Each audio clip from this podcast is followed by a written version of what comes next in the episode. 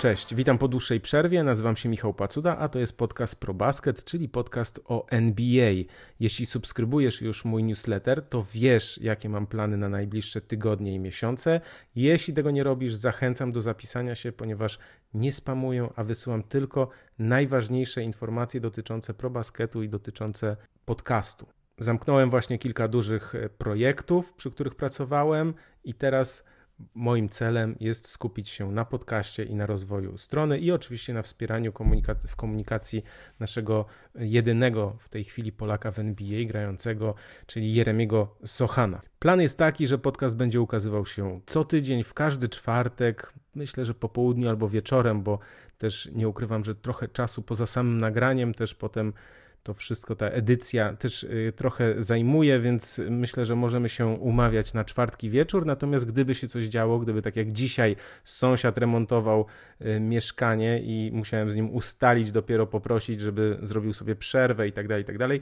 Jeśli lubisz mieć zaplanowane wcześniej i wiedzieć, że coś będzie na pewno, to zachęcam do zapisania się do newslettera, bo jeśli nie będzie podcastu, to na pewno o tym napiszę i powiem z jakiego powodu. Na razie nagrywam sam, ale chciałbym, żeby Krzysiek do mnie dołączył. Nie mamy studia, ponieważ Blaszak się zamknął z powodów e, no, niezależnych od nas.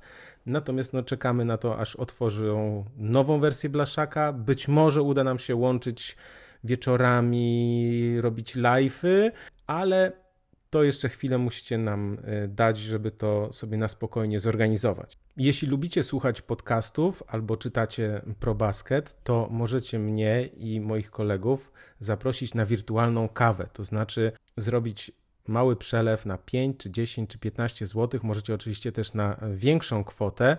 Jest to bardzo proste. Link znajduje się w opisie. Robi się po prostu przelew, można zapłacić blikiem, nie trzeba się nigdzie rejestrować. Jeśli macie takie możliwości, oczywiście finansowe, chcecie nas wesprzeć, chcecie, żebyśmy więcej czasu mogli poświęcić na pisanie i mówienie o NBA, to będzie nam bardzo miło, jeśli dokonacie takiej niedużej wpłaty. O czym dzisiaj spróbuję opowiedzieć? Zmierzę się z power rankingiem wschodu. To nie jest łatwe, ale spróbuję. No i też nie ukrywam, że po powrocie, bo też troszkę też wracam do śledzenia NBA i analizowania takiego mocniejszego, więc pewnych rzeczy mogę gdzieś nie wiedzieć albo coś mi mogło umknąć.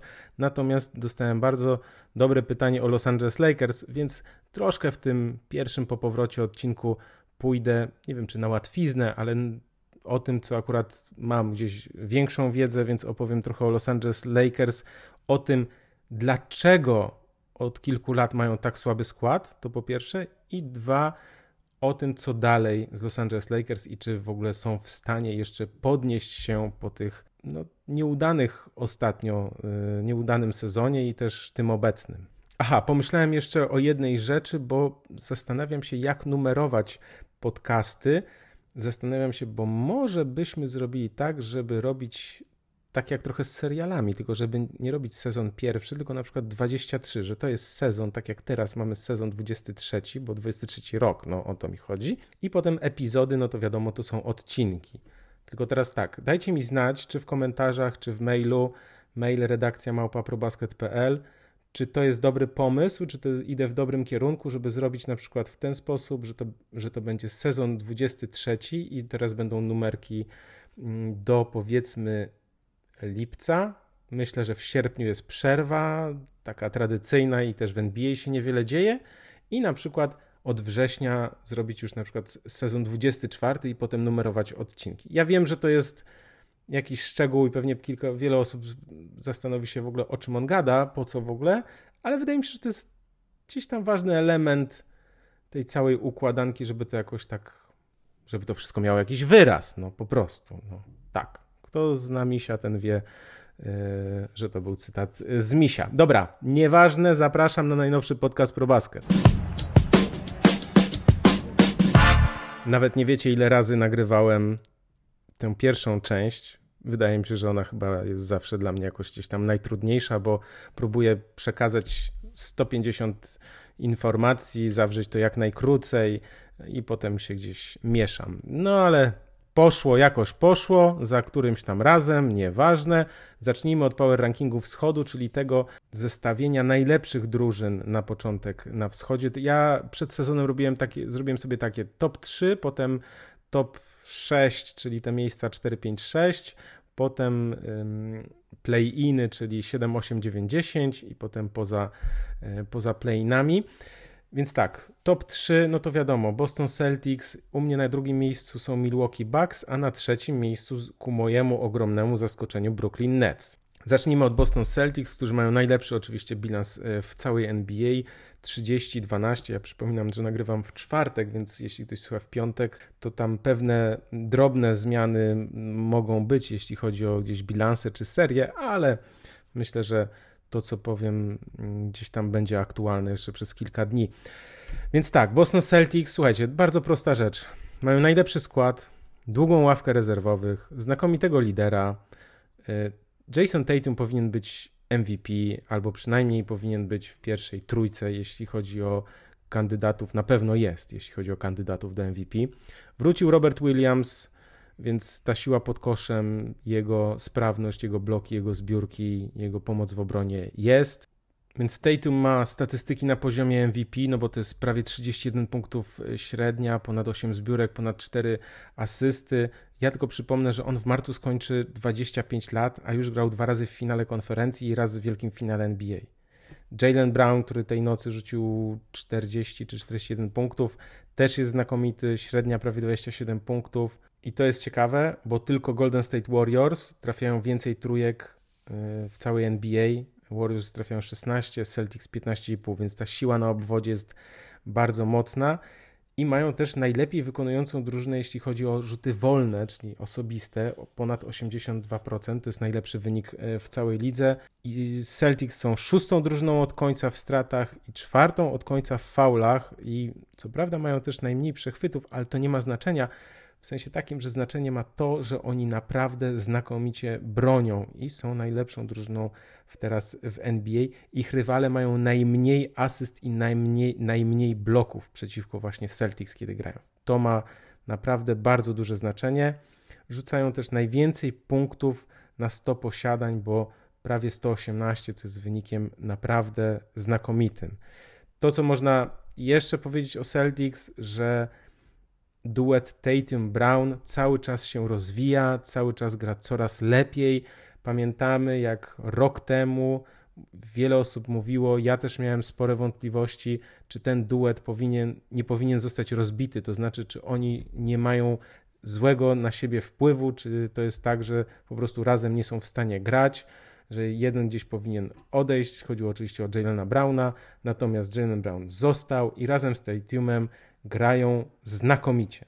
Oczywiście ważne jest to, że przyszedł Malcolm Brogdon, który też gra rewelacyjnie. Ja myślę, że Boston Celtics dokończą sezon zasadniczy na pierwszym miejscu i będą mieli przewagę własnego boiska w playoffach. Być może to kogoś zaskoczy, ale ja na drugim miejscu mam nadal Milwaukee Bucks, a nie Brooklyn Nets, którzy są ostatnio rewelacyjni ale Milwaukee Bucks też są znakomici, mimo że nie ma Chrisa Middletona i też miał problemy ze zdrowiem y, Drew Holiday. Janis w grudniu rzucił, miał 5 meczów powyżej 40 punktów, w styczniu rzucił 55, miał 21 zbiórek oraz 10 asyst. I okej, okay, co prawda przegrali 4 mecze z rzędu w grudniu, ale to są Bucks i moim zdaniem oni się po prostu dopiero jeszcze rozgrzewają. Brook Lopez, który też myśli o tym, żeby mieć podpisać jakiś dobry kontrakt. Nagle, słuchajcie, stał się jednym z najlepszych obrońców w ogóle w całej NBA. Gra jakby miał 25 lat, biega, skacze, znakomicie broni, pomaga, ma ponad 2,5 bloku na mecz, to najwięcej w karierze. No, przypominam, że on zagrał y, zaledwie 13 meczów w poprzednim spotkaniu, miał chyba, nie wiem, operację pleców, chyba miał dosyć poważną kontuzję, więc jego powrót do takiej formy jest naprawdę czymś wielkim i dlatego też stawiam Milwaukee Bucks tak wysoko. Niepokoi mnie nieco ta kontuzja Middletona, bo on miał problemy z nadgarstkiem, natomiast teraz ma problemy z kolanem. To jest zawsze niepokojące, kiedy zawodnik wraca na chwilę po kontuzji i przydarza mu się coś ponownie. To jest zawsze taki sygnał, kurczę, coś tam się dzieje niedobrego, więc a może on jest tylko oszczędzany, może właśnie dają mu czas, wiedzą, że i tak Janis gra dobrze. No może, natomiast no to jest rzecz, na, na którą myślę, że kibice Milwaukee Bucks mogą się jej troszkę obawiać i gdzieś tam mogą myśleć, kurczę, czy wszystko będzie dobrze z Middletonem na playoffy. Bo to właśnie Middleton jest moim zdaniem kluczem do, do wygranych e, Bucks. Bez niego nie będą faworytami na wschodzie w rywalizacjach z Brooklyn Nets czy Boston Celtics. To, to, jest, to jest pewniak, bez niego nie będą faworytami, co nie znaczy, że nie wygrają, ale na pewno jeśli Middleton będzie w formie, jeśli Janis będzie w formie, Drew Holiday również, to przypomnę, to jest drużyna, która zdobyła już mistrzostwo NBA i z takim, z tak grającym Brookiem Lopezem, a także pozostałymi zawodnikami naprawdę mają szansę znów zagrać w finale NBA. W tej trójce, pierwszej trójce, obok Celtics i Bucks są oczywiście Brooklyn Nets, którzy od 4 grudnia, kiedy przegrali z Boston Celtics, wygrali 14 meczów, a przegrali tylko raz. To jest naprawdę niesamowity wynik. Najbliższy mecz grają z Celtics, potem Thunder, a potem jest seria wyjazdowa. I to się może skończyć różnie, bo mają 5 wyjazdów: San Antonio, Phoenix, Utah, San Francisco, Utah oczywiście Salt Lake City, San Francisco to Golden State Warriors, no i Philadelphia, więc tutaj zobaczymy, ponieważ problemem jest to, że kontuzja Kevina Duranta eliminuje go z gry na co najmniej kilka tygodni, ale co ważniejsze, a raczej najważniejsze, jest to, że to nie jest kontuzja, która go eliminuje z gry do końca sezonu. Rok temu miał podobny uraz, był on podobno gorszy, Dlatego teraz mówi się, że Durant nie zagra przez około miesiąc. I to jest wielka szansa dla Kyriego Irvinga, zaraz o tym powiem. Chciałbym tylko, żeby mm, doceniony został trener Jacques Vaughn, ponieważ on zmienił to ustawienie Nets. Jest mniej Harrisa i Karego, y, Seta Karego, jest więcej Roysa Onila, TJ'a Warrena, który przypomnę nie grał dwa lata, był rewelacją bańki, miał poważną kontuzję. W każdym razie Brooklyn Nets zaczęli bronić, nie rzucają już tylko za 3 punkty. Co prawda są drugą najlepiej rzucającą drużyną za 3 punkty w całej NBA, bo 39% ponad, a lepsi są tylko Nuggets, którzy mają prawie 40%. Więc Brooklyn Nets zacierają ten obraz nędzy i rozpaczy, można chyba by powiedzieć, który gdzieś tam mieliśmy na początku sezonu i w wakacje ten ich wizerunek przez Kyriego Irvinga, przez Kevina Duranta no był dosyć mocno nadszarpnięty. Nie dałem ich wyżej na drugim miejscu, ponieważ cały czas nie ufam y, Irvingowi poza boiskiem nie wiemy do końca, co się y, wydarzy, czy jakaś drama się nie pojawi. Mam też wątpliwości co do formy Bena Simonsa. Wiem, że gra lepiej, ale cały czas w jego grze widać pewną taką niepewność. Nie wiem, czy można na niego stawiać w playoffach po prostu. Niby jest jeszcze sporo czasu, wiem, ale no nie wiem, może bez Duranta na boisku on teraz nabierze większej pewności siebie. Życzę mu tego z całego serca, bo wydaje mi się, że to są wciąż blokady mentalne, czyli psychiczne po prostu. Natomiast wracając do Irvinga, przypomnę, że on latem będzie wolnym agentem i teraz jest pytanie, co zrobią Brooklyn Nets, to znaczy władze klubu, czy będą chciały go zatrzymać, czy zaproponują mu nową umowę. Jeśli on teraz będzie grał rewelacyjnie, no co zrobić, tak? Z jednej strony to jest znakomity koszykarz, a z drugiej strony, kurczę, to jest gość, który ciągle ma jakiś problem i stwarza tak, tak zwane dramy poza boiskiem. I teraz co zrobić? To znaczy zatrzymać go, czy pozwolić mu odejść? Pytanie, jaka jest konkurencja, to znaczy kto chciałby też mieć Irvinga w swoim składzie. Myślę, że to nie jest aż tak dużo drużyn. Pewnie te walczące o, o mistrzostwo, mo, pewnie Los Angeles Lakers by chcieli y, jego mm, podpisać. Y, to jest bardzo ciekawe. Zostanie Irvinga w Brooklyn Nets może też dać taką gwarancję, powiedzmy, na jakiś czas oczywiście, że Kevin Durant nie będzie prosił o, o transfer. Więc to jest, y, tutaj ja patrzę na to troszkę szerzej.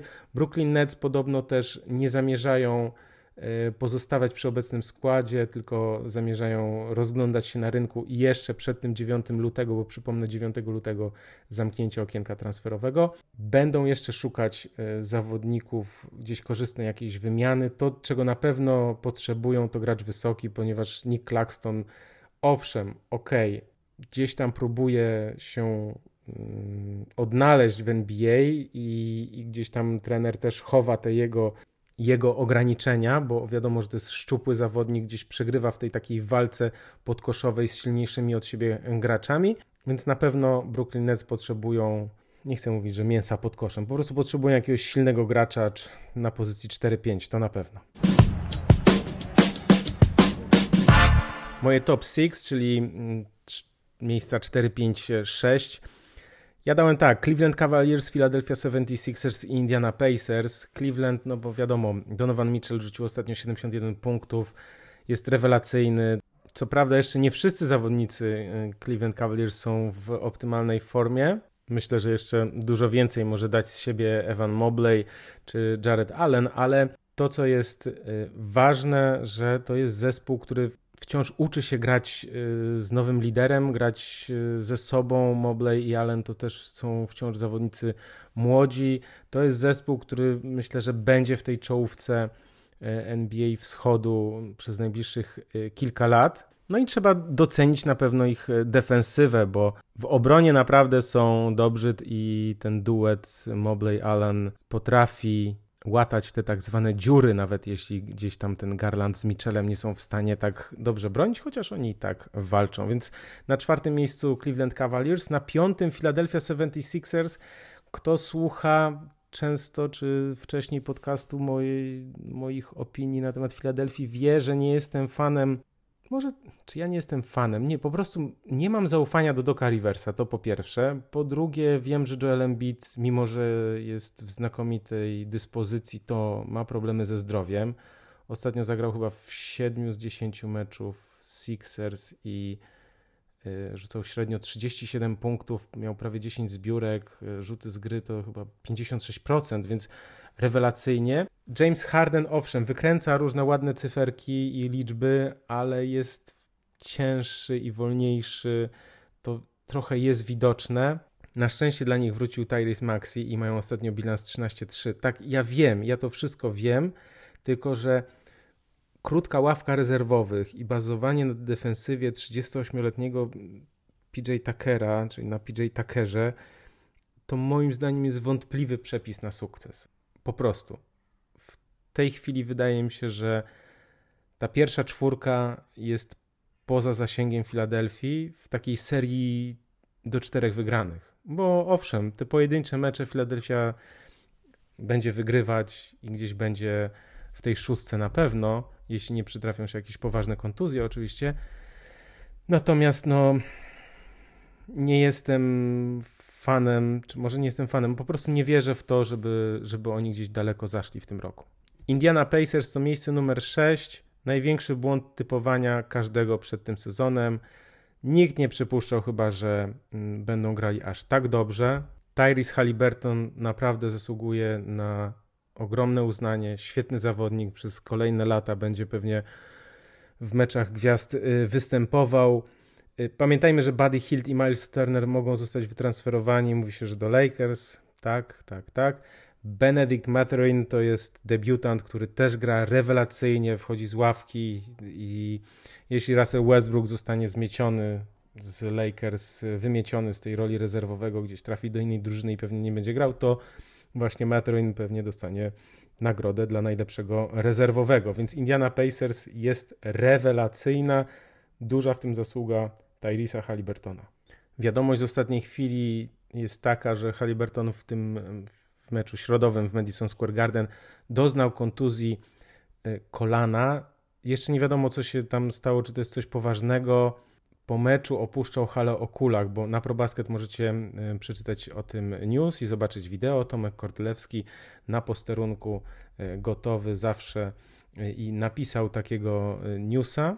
No miejmy nadzieję, że nic poważnego Halliburtonowi nie jest, no bo byłaby szkoda. No a natomiast y, tak rozważając jeszcze, jaki to miałby, mm, jakie byłyby losy wtedy drużyny y, z Indianapolis, myślę, że wtedy dużo łatwiej byłoby podjęcie takiej decyzji o transferze Hilda i Turnera i po prostu przestawieniu się na tankowanie, jeśli to byłaby poważna y, kontuzja Miejmy nadzieję, że tak nie jest, bo grę Tyrisa Halliburtona ogląda się z ogromną przyjemnością.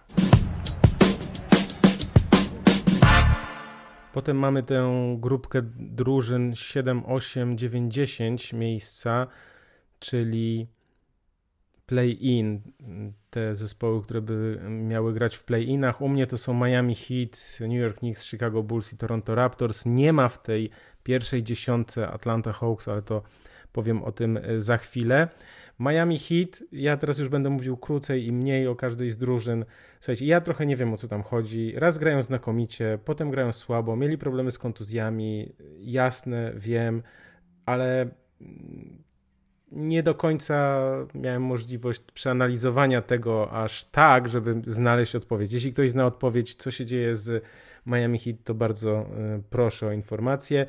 Nowy Jork e, no, grają lepiej niż w poprzednim roku. Przyjście Jalena Bransona rzeczywiście zmieniło ich grę na na plus. Ja miałem sporo wątpliwości, bo dla mnie Jalen Branson jest takim zawodnikiem od zdobywania punktów, jasne, ale troszkę przypomina Isaiah Thomasa, tego, który oczywiście nie Isaiah Thomasa z Detroit Pistons z lat 80. i 90., tylko raczej Isaiah Thomasa, którego wiele osób pamięta z gry innymi Boston Celtics i Cleveland Cavaliers i Sacramento, no nieważne. W każdym razie takiego gracza, mm, który owszem, jak jest w formie, to zdobywa sporo punktów, a jednak y, w playoffach no może coś dać, ale to nie jest gracz, wokół którego buduje się zespół z myślą o przyszłości i z myślą o walce o najwyższe cele.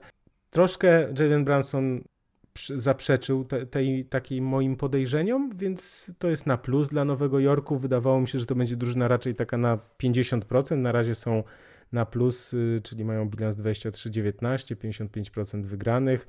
Ja ich mam na ósmym miejscu, oni obecnie zajmują co prawda szóste y, w tabeli. No, wiadomo też, że Nowy Jork gdzieś będzie się czaił na jakąś gwiazdę. Mówi się o tym, że, że kogoś chcą do siebie ściągnąć, no ale to dopiero Myślę, że nawet nie w tym okienku transferowym, tylko raczej dopiero latem. Ja mam na dziewiątym miejscu Chicago Bulls i to jest śmieszne z Chicago Bulls, ponieważ to jest zespół, który już miał być, słuchajcie, już miał być e, rozwalany i przebudowywany i miał być oddawany DeMar DeRozan i Nikola Vucevic i nawet za Klawin, który przecież podpisał niedawno kontrakt, już mieli być oddawani, a tymczasem oni gdzieś tam zaczęli wygrywać i, i, i wcale nie grali źle w tych e, ostatnich dwóch tygodniach. Co prawda, owszem, ostatnie dwa mecze e, przegrali, jeden z Celtics, jeden z e, Washington Wizards, ale wcześniej też potrafili wygrywać czy z Brooklyn Nets, czy z Filadelfią, czy z Milwaukee przed Nowym Rokiem, więc to jest dla mnie ciekawe, w którą tu stronę pójdzie, bo gdzieś od początku sezonu, czy nawet jeszcze przed sezonem mówiliśmy o tym, ja o tym mówiłem, też o tym myślałem, gdzieś amerykańscy dziennikarze też mówili o tym, że jeśli Chicago Bulls nie będą w stanie walczyć o najwyższe cele, no to oni zrobią nie wiem, czy rewolucję. No w każdym razie oddadzą gdzieś tam tych swoich najlepszych zawodników po to, żeby gdzieś tam rozpocząć ten proces przebudowy, bo to granie w play-inach i płacenie ogromnych pieniędzy zawodnikom to też nie jest cel każdej drużyny NBA. To znaczy, wielu menadżerów do tego podchodzi w ten sposób, że albo walczymy o najwyższe cele, jesteśmy w czwórce, czy próbujemy się bić o czwórkę, albo spróbujmy przebudowy zespołami, które są, no nazwijmy to z takich mniejszych miejscowości, które,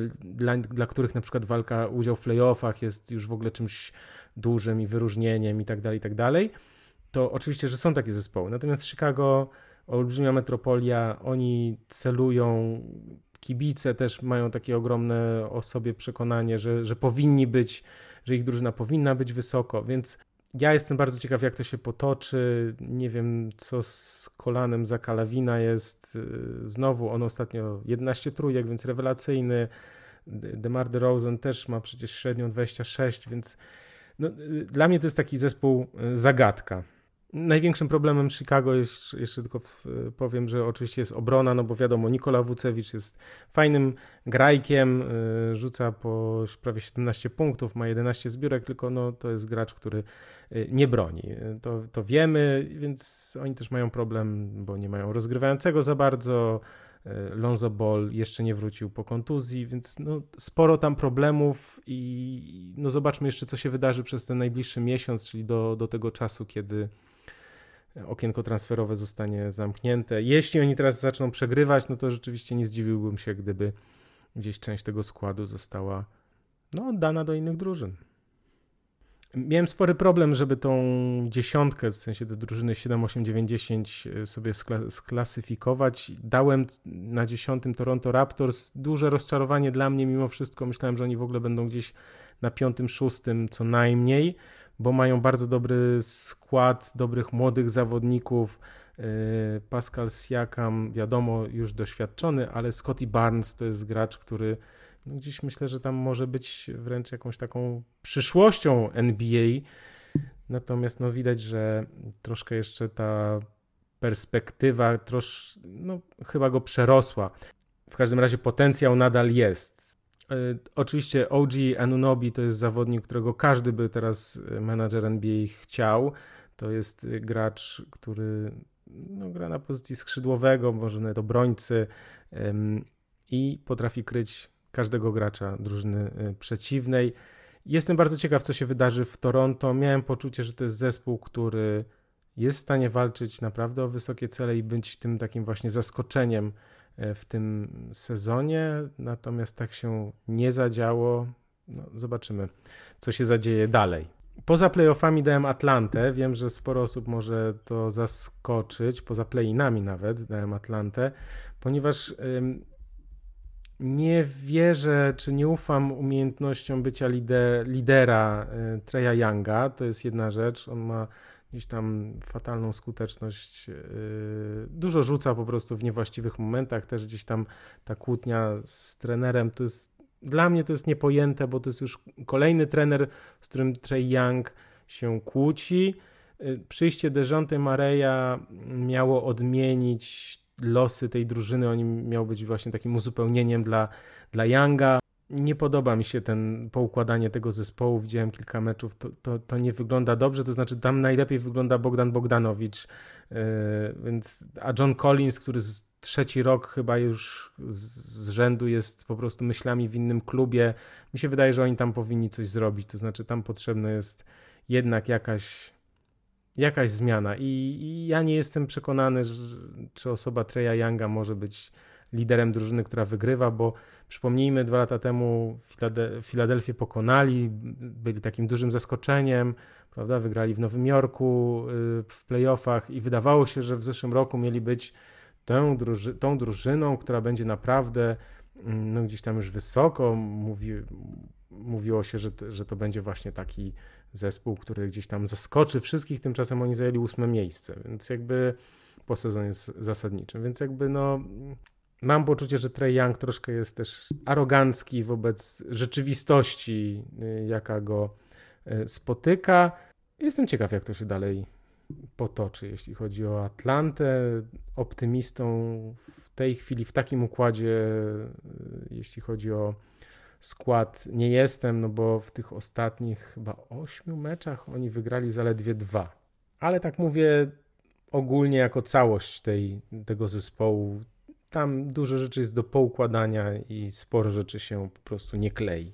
Poza playinami dałem Washington Wizards, Orlando Magic, Charlotte Hornets i Detroit Pistons. Myślę, że Washington Wizards i Orlando Magic wyżej, Hornets i Pistons niżej. Wizards, słuchajcie, nawet y, nie było, znaczy inaczej. Był taki dobry moment, kiedy wygrali 5 y, meczów z rzędu. Porzingis rzuca średnio 22, Kuzma 21 i oni grali bez Bradley'a Billa. To naprawdę mm, był taki przebłysk w, w, ich grze, natomiast no, to jest nadal Washington Wizards, zespół, który puka do play-inów, ale w zasadzie wciąż nie jest ani w przebudowie, ani w formie, żeby walczyć w playoffach i to nadal jest coś od kilku lat, co jakby jest wciąż takie samo. Nie wiem, ja bym się spodziewał jednak, żeby Washington Wizards poszli w, w tą albo w tą, no, albo w prawo, albo w lewo, bo to widać, że jazda ciągle prosto jest, nie przynosi żadnych efektów. Orlando Magic są na kolejnym miejscu i ja się tu bardzo cieszę, ponieważ jestem ogromnym fanem Franza Wagnera. Bardzo mi się podoba gra tego chłopaka. Mówię o tym już od dłuższego czasu.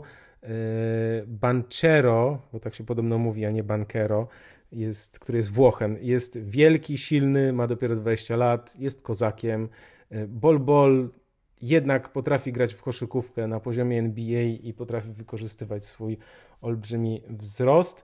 Fun to watch, nie da się ukryć, czyli fajna drużyna do oglądania, ale cały czas y, w przebudowie. Mimo wszystko jednak przyjemnie się ich ogląda i myślę, że Franz Wagner będzie za kilka lat jednym z czołowych zawodników NBA. Dwie ostatnie drużyny to moim zdaniem Charlotte Hornets i Detroit Pistons. Y, Charlotte Hornets, no nie wiem, ja nie wierzyłem, że to może pójść inaczej. Nie jestem fanem Lamelo Bola, wykręca ładne cyferki i liczby, ale nie jest to zawodnik, który w tej chwili skupia się i na obronie, i na wygrywaniu. Przede wszystkim skupia się na highlightsach, na grze efektownej. Po prostu nie jestem w stanie wyobrazić sobie budowy drużyny y, wokół niego.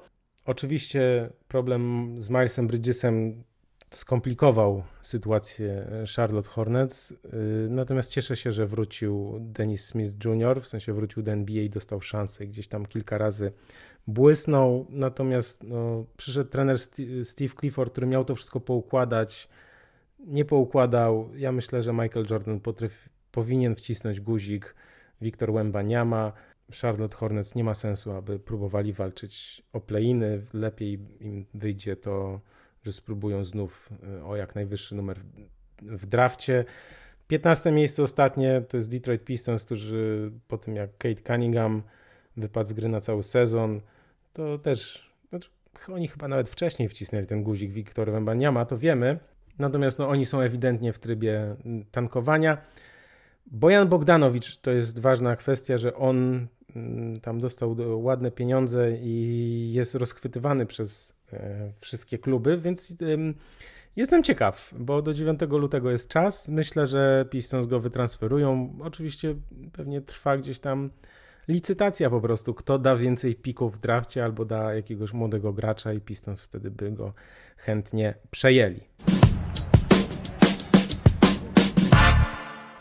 To tyle, jeśli chodzi o power ranking wschodu, czyli ten układ sił, układ sił tego, jak mm, drużyna jest mocna w danej chwili. Taka, taki sobie ja ranking robię wschodu i zachodu. Robię podział na wschód i zachód. Nie rozumiem, dlaczego wszyscy robią taki power ranking od 1 do 30 miejsca, dlatego że gdzieś te drużyny w playoffach najpierw grają, grają przecież w konferencjach, a dopiero potem się spotykają, więc to jest jakoś dla mnie łatwiejsze do ogarnięcia i takie jaśniejsze do oceny, e, jeśli chodzi o e, kolejność. Miałem powiedzieć chwilę o meczu gwiazd, o pierwszych wynikach, ale zobaczyłem, że te drugie e, cząstkowe wyniki miały zostać podane dzisiaj, ale ponieważ jeszcze nie zostały podane, to nie będę komentował tych pierwszych. Myślę, że zresztą one się nie za bardzo zmienią. Wiadomo, że mecz gwiazd to zabawa. Przypominam, że w niedzielę 19 lutego mecz gwiazd w Salt Lake City się odbędzie. Ważna kwestia, jeśli ktoś głosował to i chce głosować dalej, to w piątek 13 stycznia i w poniedziałek 16 stycznia nasze głosy będą liczone potrójnie, więc zachęcam do głosów w te dni.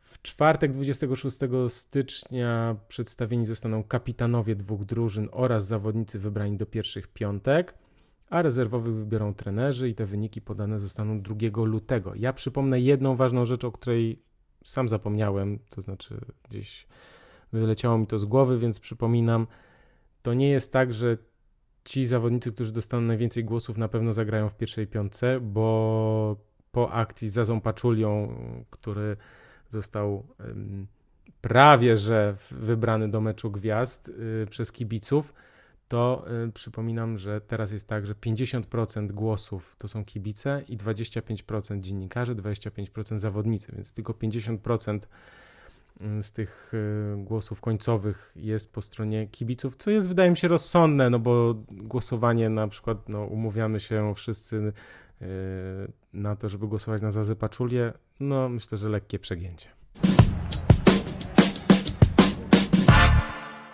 Porozmawiajmy teraz o Los Angeles Lakers, ponieważ Łukasz zapytał mnie, dlaczego Lakers mają tak, tak słaby skład kolejny rok.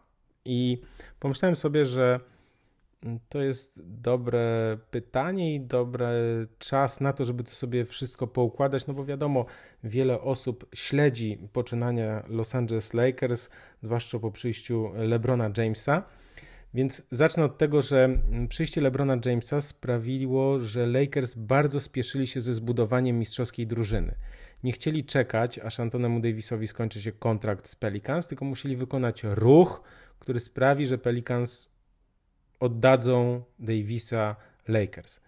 Ponieważ Pelicans wiedzieli, że Lakers są napaleni, no to zażądali bardzo dużo, bo zażądali Brendona Ingrama, Josha Harta, Lonzo Bola i do tego jeszcze wybór w drafcie w 2004 roku. To był wybór z 2009, znaczy, przepraszam, czwarty numer z 2019. DeAndre, Hart, DeAndre Hunter trafił do, Atlanta, do Atlanty Hawks, ponieważ Pelicans go tam e, wymienili, więc bardzo dużo za Antonego Davisa oddali wtedy Lakers. Nie byli w stanie pozyskać trzeciej kolejnej gwiazdy, bo mieli kontrakty duże takich zawodników jak Danny Green, który zarabiał prawie 15 milionów, a rok później Denisa Schrudera za podobną kwotę. No i kontrakt LeBrona, kontrakt Davisa i niechęć do przekraczania mocnego salary cap sprawił, że Lakers po prostu mieli taki skład, jaki mieli, ale mieli zawodników tak zwanych zadaniowców, czy którzy spełniali znakomite role w drużynie. Caldwell Pope zarabiał wtedy 12 milionów, był Kuzma i Caruso, którzy zarabiali mało, ale ich kontrakty się kończyły, to też y, warto pamiętać. No i Lakers poszli all in, jak to się mówi, czyli poszli na całość i zamiast dać podwyżki swoim dobrym, ważnym zawodnikom i poszukać na rynku wzmocnień, postanowili pozyskać Russella Westbrooka, którego pensja wynosiła ponad 40 milionów. Wszystkim się wydawało, że będzie to odbudowa Wielkiej Trójki. To znaczy LeBronowi tak się wydawało i Lakers gdzieś to mm, poszli w to. Wydawało im się, że z Russellem Westbrookiem, Kevinem, boże nie Kevinem, tylko Antonym Davisem, LeBronem Jamesem to będzie Wielka Trójka. Po prostu y, wspomnienie Miami Heat y, z LeBronem Jamesem. Wyszło natomiast tak, że Russell Westbrook zarabiający 44 miliony, LeBron 41 i Davis 35. Kolejnym graczem na tej liście był Taylor Horton Tucker. No, Lakers znów nie mieli możliwości, aby podpisać dobrych zawodników. To znaczy, Caruso chciał podwyżki, ale był gotowy nawet zgodzić się na mniejsze pieniądze niż oferowali mu Chicago Bulls, ale Lakers nie chcieli przekraczać jakiejś tam ustalonej przez siebie kwoty i płacić mu yy, większych trochę pieniędzy, nie chcieli płacić tego podatku od luksusu i dlatego on odszedł. Więc Lakers zmuszeni byli do y, zarówno półtora roku temu, jak i rok temu do szukania graczy za niewielkie pieniądze. No, a wiadomo, że to sprawia, że możliwości są ograniczone. Co gorsze, ten zespół, ten zespół zarówno półtora roku temu, jak i pół roku temu nie był budowany według, według wszechobecnie panującej, czy jakby wszechobecnej świadomości e, wszystkich, że wokół LeBrona Jamesa należy budować zespół w taki sposób, że są to zawodnicy, którzy rzucają za trzy punkty oraz e, tacy, którzy potrafią e, bronić. No i też fajnie jest, jak ktoś potrafi penetrować, czyli wjeżdżać pod kosz. Kendrick Nunn miał być teraz takim zawodnikiem, to znaczy już we wcześniejszym sezonie miał poważną kontuzję, ona go wyeliminowała z gry ok. Oczywiście ja nie mówię, że znanym zdobyliby mistrzostwo, ale na pewno graliby lepiej. Przypomnę, bo pamięć zawodzi także mnie, że Lakers w zeszłym sezonie nawet nie awansowali do play-inów, czyli zakończyli sezon poza pierwszą dziesiątką, zajęli wtedy 11 miejsce. No i w wakacje znów mieli związane ręce, bo Westbrook powiedział, że podejmuje opcję zawodnika, czyli że ten ostatni sezon, y, ostatni rok jego kontraktu wchodzi w życie, a to jest kontrakt wart 47 milionów dolarów. Więc sytuacja się powtórzyła i znów musieli szukać na rynku graczy, którzy zgodzą się na nieduże pieniądze, jak na NBA. Udało im się podpisać Laniego Walkera. To jest solidne wzmocnienie. Czy Juana Toscano Andersona To już nie jest aż tak duże wzmocnienie, ale potem doszedł jeszcze e, Dennis Schroeder, udało się Tomasa Bryanta e, pozyskać, mm, więc powiedzmy, że nie było to idealne, ale też nie było tragiczne, bo o tym e, zaraz powiem, o co chodzi. Bo ogólnie jest tak, tak przyjęte jest w NBA, tak się uważa, że no podpisywanie za tak zwane minimum weterana czy, czy młodych zawodników za, za nieduże pieniądze, to ale bardziej o weteranach chcę powiedzieć, e, że to jest takie, takie podejście, że to są gracze, którzy pomogą ci wygrać nie wiem, ze trzy mecze w sezonie zasadniczym, potem jeden czy dwa w playoffach, bo ich punkty z ławki czy, albo ich liczba zbiórek okaże się kluczowa. Natomiast od, od momentu powrotu Denisa Schudera, bo on grał na Eurobaskecie, potem miał kontuzję, chyba jeszcze dziecko mu się urodziło w ogóle, i Tomasa Bryanta, Lakers mają, słuchajcie, bilans 16-11. A przecież od pewnego czasu nie gra Anthony Davis. Więc ten bilans 16-11 to daje 59% wygranych meczów. Gdyby Lakers mieli taki bilans w całym sezonie, to zajmowaliby, uwaga, nie 12, a czwarte miejsce na zachodzie. To jest moim zdaniem ciekawe. Więc ja bym tutaj tak kompletnie Lakers nie przekreślał z uwagi właśnie na tych dwóch graczy, to znaczy Schrudera, którego fanem nie jestem, wiele osób o tym wie, ale on potrafi być skuteczny. Natomiast Thomas Bryant to jest podkoszowy, który dwa lata temu w Wizards rzucał po 14 punktów i miał 6 zbiórek. On też wraca po poważnej kontuzji, ale wygląda kurczę bardzo dobrze. Jego statystyki w styczniu w czterech, w pięciu meczach, Lakers mieli bilans 4-1 w tych spotkaniach, on rzucał średnio 20 punktów, miał 12 zbiórek na mecz i miał 60%, 65% skuteczności rzutów z gry. To jest naprawdę bardzo, bardzo solidna gra. Więc przy tym jeszcze LeBron, który rzuca po 29 e, punktów średnio.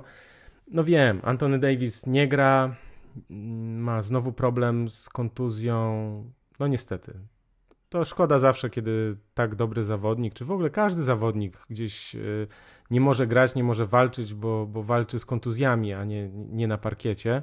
Natomiast jeśli się zastanowimy, co dalej, bo tu mam nadzieję, że tak pokrótce wyjaśniłem, co się działo w tych poprzednich latach, dlaczego tak ten skład był tak e, budowany, to znaczy te limity płac po prostu ograniczenia możliwości i też ograniczenia chęci, tak? To znaczy, że Lakers no nie chcieli być jak Golden State Warriors czy Los Angeles Clippers i rozbijać bank, bo oczywiście musieliby po prostu płacić ogromny też ten podatek od luksusu, który Warriors i Clippers płacą. Clippers płacą, bo Steve Ballmer jest po prostu miliarderem i ma to gdzieś. A i tak zobaczcie, gdzie są Clippers. No to też ciekawe. No dobra, w każdym razie zastanówmy się, co dalej e, z Lakers. Najprawdopodobniej Westbrook zostanie oddany przed zamknięciem okienka transferowego. To jest 9 lutego, przypominam. Na razie jednak na rynku nie ma ofert, to znaczy nie ma takich ofert, które byłyby dla Lakers y, korzystne. Nie ma jeszcze tak zwanych sprzedawców, to znaczy jeszcze wszyscy, tak jak powiedziałem o Chicago Bulls, jeszcze wszyscy myślą, przyglądają się, rozważają. Natomiast te zespoły takie jak San Antonio czy Detroit Pistons też po prostu czekają na jak najlepszą ofertę i wiedzą, że im bliżej 9 lutego, tym szybciej te, y, tym lepsze te oferty się pojawią. Tak, tak mi się wydaje przynajmniej, że tak, y, że tak jest. Lebrona nie interesuje przyszłość Lakers, takiej sobie tutaj zapisałem e, w notatkach. No tak jest rzeczywiście, bo on chce wygrywać teraz, dlatego nie dba o te wybory w drafcie, które Lakers jeszcze mają. Ich, e, no mają ich niewiele, ale to jest jedyny jakiś tam argument, którym mogą handlować w najbliższym czasie. No i on nie dba, LeBron w sensie nie, nie przejmuje się tymi pikami w drafcie, natomiast Lakers już e, myślą o nich, że znaczy są dla nich ważne, no bo Lakers nie chcą oddać tych kilku wyborów, które im zostały, dopóki nie będą pewni, że ten deal ma sens, czyli że oni naprawdę będą wzmocnieni i będą mogli grać o najwyższe cele. Najlepszy transfer to pewnie byłby Miles Turner i Buddy Hield za Westbrooka. Zobaczymy, czy im się uda, czy im się to uda. Też nie jestem pewien, czy przyjście sprawi, że Lakers nagle włączą się w grę mistrzostwo wątpliwe, chociaż ten zachód jest otwarty, ale no zobaczymy. Na pewno Lakers przydałoby się taki gracz na pozycji 2-3, który i broni, i rzuca z dystansu. I takim graczem był Kentavious Caldwell Pope, który dziś w Denver Nuggets, słuchajcie, trafia 48% rzutów z dystansu, co jest w ogóle najlepszym wynikiem w całej NBA. No i przy tych, jak myślimy o tych transferach Lakers i Westbrooka, to musimy pamiętać o tym, że są kluby, które nie chcą pomagać Lakers. To znaczy są wewnętrzne, jakieś osobiste gierki i uprzedzenia.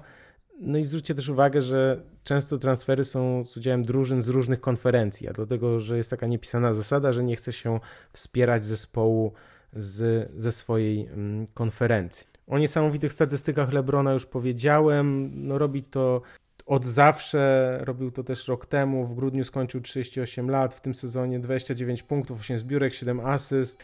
Jeśli ktoś by mnie zapytał, czy Lakers są w stanie walczyć o mistrzostwo w tym sezonie, nie mam takiej pewności, że to jest sezon przekreślony, ale wydaje mi się, że konkurencja jest dosyć duża i są te młode zespoły Grizzlies, Pelicans czy nawet Wolves i Kings, którzy po prostu nie boją się już Lakers, nie boją się LeBrona.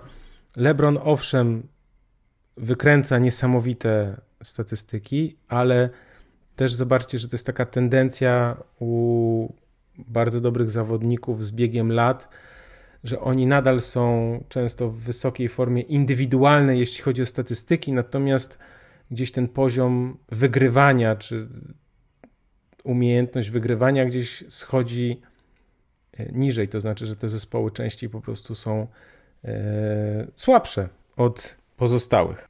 No tutaj dochodzi też ta kwestia, że e, na Davisie też nie można polegać, to znaczy nie można ufać temu, że on jest w stanie jeszcze grać cały sezon, czy, czy być w wysokiej formie. W każdej chwili może doznać kontuzji. No to jest duży problem Los Angeles Lakers. Wiem, że LeBron ma siłę w nogach, ale też pamiętajmy o tym, że on opuszczał znacznie więcej spotkań niż kiedyś w tych ostatnich latach i biologii nie da się oszukać, ryzyko kontuzji rośnie z każdym kolejnym meczem, z każdym kolejnym obciążeniem, więc y, tutaj też no, po prostu istnieje takie niebezpieczeństwo. Jeszcze ważna kwestia: Davis i James mają ważne umowy na ten i kolejny sezon i mają też opcję zawodnika na sezon 24-25, więc to jest bardzo długo. Ten sezon, jeszcze dwa kolejne, to naprawdę bardzo dużo czasu, więc oddawanie teraz pików w drafcie za coś niepewnego to jest nie najlepszy pomysł. Los Angeles Lakers rozważają też taki scenariusz, że po prostu dograją ten sezon do końca, a Russellowi Westbrookowi zakończy się umowa i wtedy oni będą mieli miejsce w tym salary cap, w tym limicie płac, będą mogli po prostu pozyskać kogoś e, znacznie młodszego i też po prostu e, lepszego.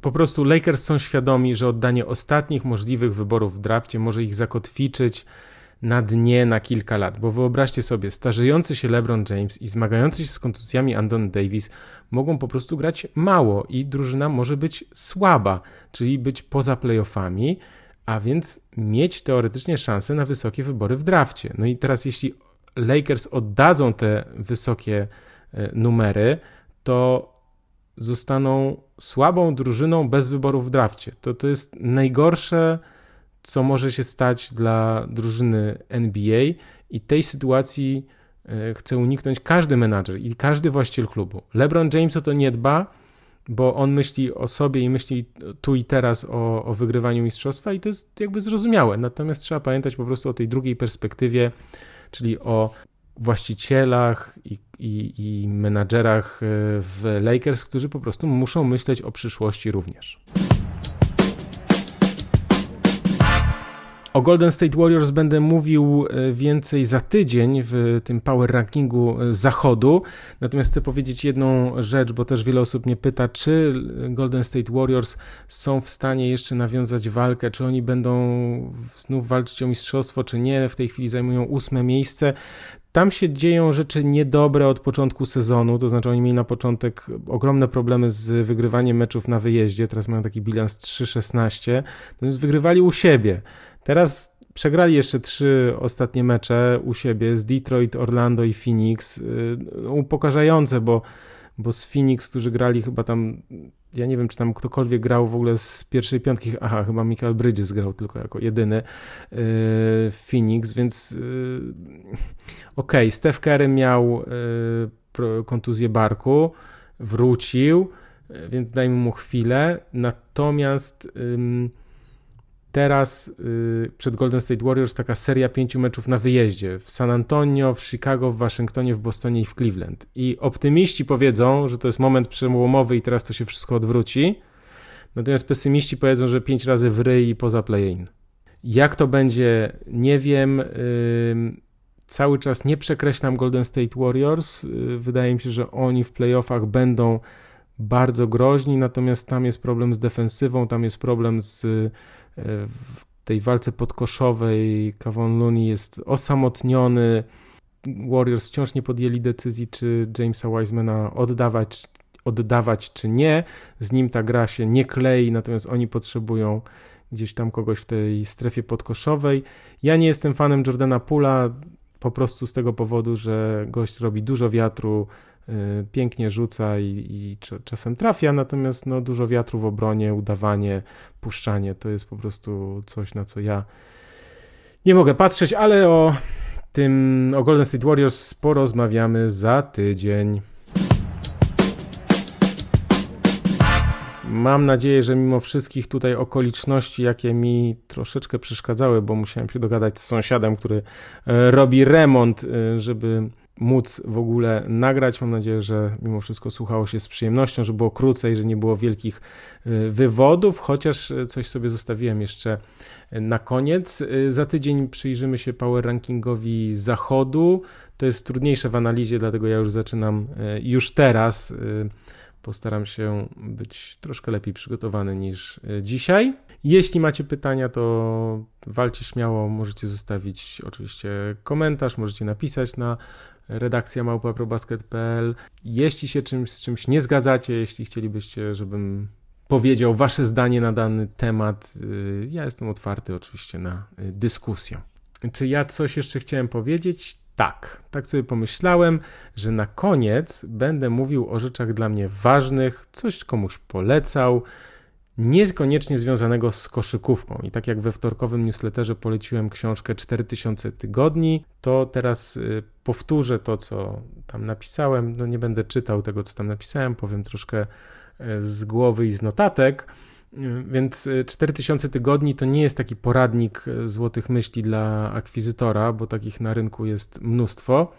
Ja mam poczucie, że jest to książka na swój sposób głęboka o skończoności czasu i, i, i w ogóle o czasie, jaki został nam dany, nam jako jednostkom na, na tym świecie. Jest o tym, że produktywność jest pułapką, że konsumpcjonizm nie daje szczęścia, że ciągle jest, żyjemy w presji, w oczekiwaniach, no i że wykreowane potrzeby prowadzą w najlepszym razie do smutku i rozczarowania, a w najlepszym bo raczej, raczej prowadzą do depresji, lęków i wypalenia. To jest taka, no wiem, że dosyć mocna teza. W każdym razie jest to książka optymistyczna, bo pomaga przyjąć to, co wszyscy wiemy, ale często nie chcemy przed sobą przyznać, czyli to, że choćbyśmy mieli trzech asystentów, to i tak nie zdołamy wykonać wszystkich zadań z naszej listy życzeń, marzeń i projektów. Książka jest ciekawa, dużo jest takich stwierdzeń oczywistych, natomiast dla mnie gdzieś one są inspirujące. Często sobie, ponieważ czytam e-booki głównie, to zaznaczam sobie w tych wersjach elektronicznych, podkreślam, potem do tego wracam. Rzadko jest, że zaznaczam aż tak obszerne fragmenty, jak w przypadku tej książki. I też do tego pojęcia czasu, zadań i marzeń, ja dodałbym takie hasło, że każdy z nas jest kowalem swojego losu, albo że możesz być kim chcesz, musisz tylko chcieć, bo to jest często bardzo powtarzane i to powiedzmy, że w zasadzie to to samo. Ja po prostu uważam, że te stwierdzenia są wielkim oszustwem, że to jest wręcz coś no, niebezpiecznego i zwłaszcza w kontekście sportu. Ja wiem, że, że mamy wybór i, i sporo zależy od naszej motywacji i nastawienia, ale myślę, że zapominamy o, o najważniejszej kwestii. To znaczy, wiem, że marketing tworzy nawet nie tylko potrzeby, ale też stwarza takie złudzenia, że, że my możemy być kim chcemy i że to zależy od nas. Tak? To jest wszechobecne w reklamach. Ja uważam, że to jest nieprawda. Chociaż oczywiście ci, co odnieśli sukces, mówią o tym w ten sposób najczęściej, no bo im się udało i oni chcą wierzyć i żyć w takim przekonaniu, że zawdzięczają wszystko tylko sobie. Natomiast zapominają, że wszyscy jesteśmy tylko ludźmi i że jesteśmy zależni od setek zmiennych, od różnych okoliczności, od, od uwarunkowań genetycznych, od jakichś sytuacji, miejsca, czasem przypadku i szczęścia i pecha. I tak naprawdę po prostu na wiele rzeczy nie mamy wpływu. Oczywiście uważam, żeby, że powinniśmy się cieszyć z sukcesów i swoich, i innych, i nie odbierać ich nikomu. Natomiast pamiętajmy, że cena takiego sukcesu bywa bardzo wysoka i choćbyśmy się starali, trenowali codziennie, coś ćwiczyli, to czasem pewnych barier nie przeskoczymy. Mam takie poczucie, że, że dopiero jak to zrozumiemy, to, to będziemy sobie w stanie e, odpuścić, odpuścić sobie, odpuścić innym i po prostu, że nasze życie wtedy będzie miało więcej radości, wyrozumiałości i wobec samego siebie, i wobec innych. Myślę, że to są, to są rzeczy ważne. Ważne, żeby być gdzieś też blisko nich. To tyle, jeśli chodzi o kącik filozofa. Na koniec, jeśli spodobał Ci się ten odcinek, to pamiętaj, że możesz postawić mi wirtualną kawę, link w opisie. Możesz też polecić e, podcast swoim znajomym, podając dalej w mediach społecznościowych. Pamiętajcie o serduszkach, lajkach, łapkach w górę. Ja tymczasem dziękuję, że mogłem Wam towarzyszyć w tej, w tej podróży po świecie NBA. Do usłyszenia, do zobaczenia.